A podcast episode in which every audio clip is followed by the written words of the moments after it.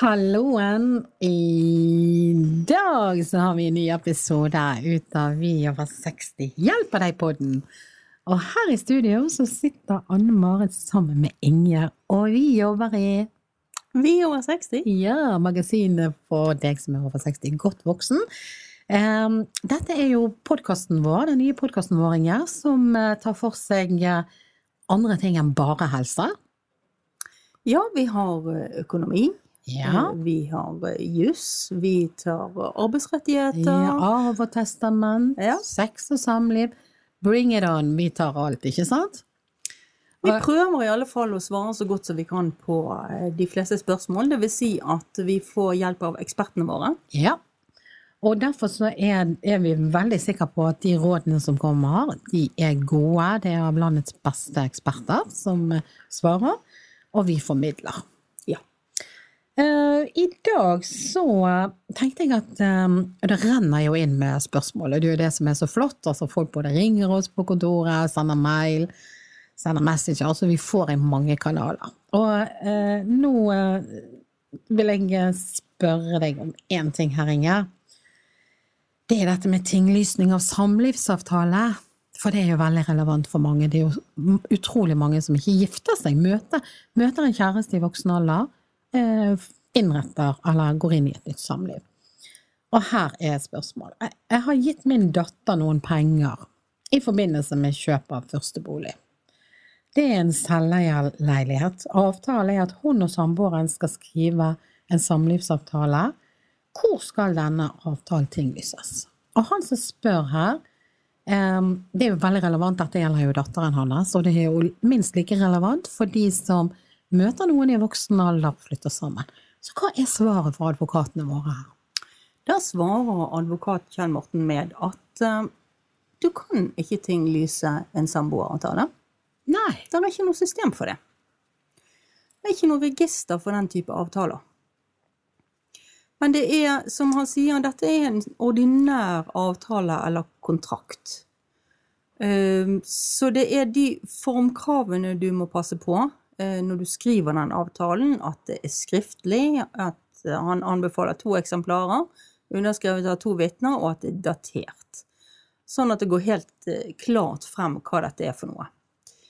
Men ellers så oppbevaring, så må du bare oppbevare det som om du ville gjøre med ethvert verdidokument. Ok, så du, kunne, du kan hive det i bankboksen din om du har det, eller du kan be noen andre, hvis det er noen andre som har noe, en mappe for deg eller et eller annet sånt, så det er der det skal inn. Lagre hos eh, en venn du stoler på. Um, Du kan ta et eh, bilde av han med mobilen din, eller du kan skanne det, eller det vil jo være digitalt når du har skrevet det på en PC, og lagre det i eh, skyen. Men hvis du skanner det, så får du jo også med underskriftene. Ja, så, så dette er, det er egentlig bare dette. Ja, det er egentlig bare det, men det han sier, det er at det, det er viktig at du finner igjen avtalen hvis det skulle bli et brudd.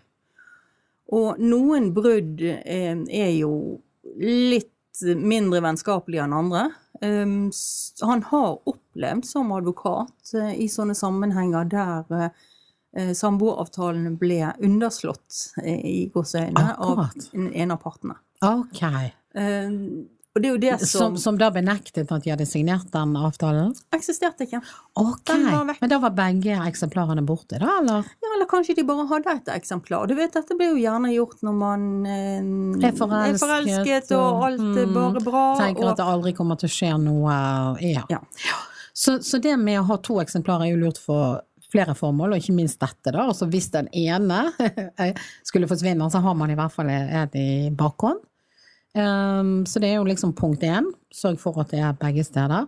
Eh, kunne det vært relevant at den ene benektet at det var den sin underskrift? Det er derfor du skal ha vitner. Ja. Som skal Det er derfor liksom- han anbefaler vitnene. sant? Da har du de samme formkravene som du har til et eh, testament. Så da oppfordrer vi alle, om det gjelder deg sjøl eller datteren din eller barnebarn eller hvem som helst, det er dette som gjelder. Så en helt annen ting. Eh, pensjon. Det er jo noe som alle er opptatt ut av, alle syns det er like vanskelig. Dette med levealderjustering. Vi skriver jo om det opp og ned i mente i magasinet Vi over 60. Og her skriver altså denne personen følgende. Jeg tilhører 1957-årgangen og lurer på hvor lenge jeg må jobbe for å unngå at alderspensjonen min skal bli levealderjustert. Ingjerd, hva sier Harald Engelstad om er dette? svaret fra Harald Engelstad at eh, du må jobbe til du er 68 år og 6 måneder. Eh, men siden vedkommende er født i 1957, så kommer dette inn som vi har snakket om i en tidligere podd, at det blir sånn en blanding av gamle og nye regler. Og 60% gamle og 40% nye regler. Så de nye reglene de er litt strengere, så hvis han skal være på, helt på den sikre siden, så må han jobbe til han er 69 år og 7 måneder. Oi, hvem har sagt På- at dette er enkelt? På, ja. på den 40 %-delen. Altså nei, det er ikke enkelt. Det er ikke enkelt. Nei, dette, dette er jo et kroneksempel på hvor vanskelig dette med pensjon er. Mm. Eh, men levealdersjusteringen den eh, rammer alle som er født etter 1943. Og da begynner det, så går det sånn med én til to måneder i året du må jobbe lenger og lenger og lenger. Kan du veldig kort forklare for oss som ikke er så gode på dette, hva betyr levealderjustering? Det er rett og slett den justeringen som staten gjør fordi det er beregnet at du skal leve lenger. Så i den ene kolonnen så står det en beregnet levealder, eh, som statistikerne har funnet ut av. Og ut fra det så beregner de hvor tid du da må bli pensjonist. Tid man ønsker at du skal bli pensjonist, for å si det sånn. Ok. Eh, og velger du å ta ut pensjonen din før det, så får du en avkortning. Avkortning, ja. Da, da får du rett og slett avkortning her, betyr mindre pensjon. Det betyr mindre pensjon. Og den vil variere fra person til person. Etter hva slags år eh, de er født i, og måned de er født i, egentlig, ja. Akkurat. Så det, Mm. her, her handler det rett og slett om måned.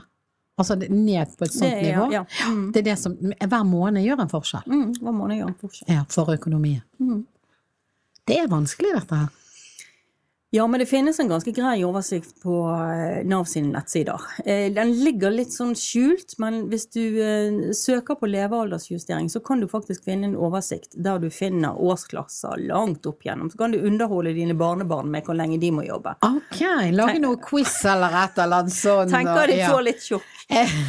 Er det samme stedet som du finner Nav sin pensjonskalkulator? Ja. Ja. Så det er jo det vi råder folk egentlig må gjøre, for det, det er veldig sånn riktig og sånn. Og så det er jo den anbefalingen vi går ut med. Bruk den kalkulatoren. Ja. Den er til å stole på. Og der ligger, der ligger informasjon ute på Nav sine nettsider som er eh, mer eller mindre lett tilgjengelig, da, men der ligger ute en del informasjon som jeg vil anbefale mange til å sette seg inn i. Da er oppfordringen herved gitt. Bruk det som eh, noe som du kan diskutere på familiehytten eller hvor som helst. Utfordre barna dine og barnebarn, og så ser dere hvor dere vil komme. En helt annen ting, Inge, det er jo dette med arbeidsrettigheter. Og det er jo ganske nært beslektet til dette med pensjon. Pensjoneringsvarsel er stikkordet. Vi har altså fått en henvendelse her.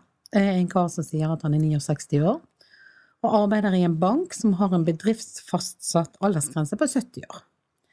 Det er to måneder eh, til denne personen fyller 70, og har da tenkt å pensjonere seg, men har ennå ikke hørt noe fra arbeidsgiveren om eh, fratredelsesdato. En kollega fortalte at du ikke kan pensjonere deg før du har gått, gått seks måneder fra du har mottatt denne skriftlige varselen om, om at du skal gå av med pensjon. Er det riktig? Nei, det er å blande litt. Det, det har med oppsigelsestid å gjøre. Um, men altså det, det, det eh, Erik Råd Herlovsen sier, det er at du kan hevde at du har rett til å jobbe seks måneder etter eh, du har fått dette fratredelsesvarselet. Men hvis du selv gir beskjed, altså hvis du har lyst til å slutte, så eh, gjelder en måned. Da gjelder én måned. Ja, og det er jo Altså, sier du opp i et vanlig arbeidsforhold, så er jo det tre måneder. Men her er det kortere. Um, men så obs, obs. Igjen, der er forskjell på privat og offentlig, så det er litt andre regler som gjelder i det offentlige, og spesielt der du har særaldersgrenser, som en del har. Sånn som politiet har det, piloter har det. Um, De som jobber i kriminalomsorgen osv. Altså en del eh, yrker. Helsepersonell har det, ja. Greit, så sjekk ut ifra din situasjon. Noe helt annet. Helsen vår. Vi blir jo aldri lei av å snakke om den. Aldri lei av å bekymre oss for den. Eh, nå eh, må jeg spørre deg om et ord som heter trokanterbursitt her. Har du et norsk ord for det? Nei, det er en veldig lang forklaring i så fall. det- det men men jeg, kan, jeg kan forklare. Ja. Altså, em, det er en betennelse i en slimpose. Eh, bursa er en, det latinske navnet på en slimpose, og bursitt er en betennelse i den. Eh, og dette her eh, befinner seg på yttersiden av låret. Det er en irritasjon og en overbelastning det ofte kommer av. Ok. Så det var den, den litt sånn lange forklaringen. Ja, ok. Men, men da, da, da kan vi en kvinne på 74 år som har sendt oss en mail. eh, Og skriver at hun har en sånn eh, pose, altså en trokanterbursitt i høyre hofte. Den siste gangen eh, har jeg hatt smerter lenge, mot lysken og i høyre kne. Og kneet har også forandret form og blitt større enn det venstre. Min fastlege er blank og vet ikke engang hvordan jeg skal undersøkes for å fastslå diagnosen. Jeg har derfor reist til legevakten for å få medisiner, og der sier de at legen min skal videresende meg til ortoped. Jeg leverte et brev til legen om dette, hun forlangte at jeg måtte bestille en ny time, selv om hun ikke gjorde noe sist jeg var der. Kan du beskrive det som feiler meg slik at min fastlege kan få en kopi, sier altså denne eh, fortvilte kvinnen i denne eh, henvendelsen til oss. Så hva, hva kan vi hjelpe henne med her? Altså, For det første så vil jo jeg si på, på eget initiativ at hvis hun er misfornøyd med fastlegen sin, så kanskje hun skulle bytte. Ja, for det er jo faktisk mulig. Ja, Det gjør du enkelt og greit gjennom helsenorge.no. Eh, Men det Gard Christian Andersen, som er ortoped, sier, det er at dette kan være slitasjegikt i hofte og kne. Det behøver ikke være trokanterbursitt. Eh, Men hun beskriver det ganske godt. Så hvis hun beskriver tilstanden sånn som hun har gjort, så, så eh, burde det være tilstrekkelig for videre undersøkelser. Han sier at hun bør få foretatt en røntgenundersøkelse. Eh, ikke nødvendigvis en henvisning til ortoped, for de er litt innrettet på kirurgi. Så hun sier bli vurdert av en spesialist på eh, muskel og skjelett. Og til litt um, forsvar for fastlegen, så er sånne tilstander kan være vanskelig å diagnostisere. Ok, men nå, nå har jo vi da med dette svaret gitt henne en mulighet til å ta det opp på nytt igjen med fastlegen. Og hvis du fortsatt, kvinne på 74, er misfornøyd med fastlegen, så gjør sånn som Ingjerd sier, skift fastlege. Så før vi avrunder i dag, så har jeg lyst til å, å eh, eh, si noe om en mail som jeg har fått inn her fra en mann på 73 år. Han sier at han, eh, han har knuter i håndflaten. Jeg ble litt nysgjerrig da jeg leste den, for jeg har ikke hørt så mye om det før. Men eh, han leser om eh, dypyturens sykdom og har noen slike knuter i hendene, sier han. Er det noe jeg kan gjøre for å forsinke utviklingen av disse? Hjelper det å tøye fingrene bakover flere ganger om dagen? spør han. Ja, det sier Brynjulf Baringstein som er allmennlege. Han sier at ja, det kan hjelpe å tøye. Ehm, disse senene kan kjennes inni håndflaten som veldig, veldig harde og av og til knuter. Og så kan det føre til at uh, du får ikke rettet ut en eller flere fingre. Du får sånn krokfinger. Da er det kommet ganske langt. For det, det, det, disse senene er knyttet til fingrene, sånn at uh, Og nå sitter jeg her og demonstrerer Jeg ser det, Inger, at du sitter her og demonstrerer, for jeg hadde jo ikke hørt om dette før. Men det høres jo ut på deg som det er ganske vanlig. Det er en del som har det, og, og grunnen til at jeg vet litt om dette, det var at en, en, jeg kjenner en som eh, har det, rett og slett. Så jeg, jeg vet hvordan det ser ut. Så hvis vi hadde hatt video her, så ville dere kunne sett dere som hører på. At Inger sitter her og så viser meg da hvordan det er. Derfor jeg, synes, jeg ble jo litt nysgjerrig når denne mailen kom, for jeg har ikke hørt om noen som har. Men det er jo så, så mye vi kan bli rammet ut av. Men dette er altså noe som ikke er uvanlig. Nei, og spesielt blant håndverkere, og så vidt jeg vet så forekommer det mest hos menn. Og ja, du, du kan tøye. Hvis du får for stor feilstilling, så kan det opereres. Eh, Men det er også kommet en ny behandlingsmetode der du eh, sprøyter inn kollagenase, som et enzym. Men da må du gjøre det før feilstillingen blir for stor. Sånn at det kan hjelpe til at du beholder funksjonen i eh, hånden. For det, du, du kan jo etter hvert få problemer med å gripe. Du kan Nemlig. få problemer med å Det var det jeg tenkte, at det, er det, der, altså, det ligger en slags mulig funksjonshemming her, Mm. fordi at du faktisk mister eh, gripeevnen. Mm. Ja. Så det kan bli såpass vanskelig for deg. Så det å på en måte kunne gjøre noe med det er bra i en sånn Det er ikke en ubetydelig lidelse, da, for å si det sånn.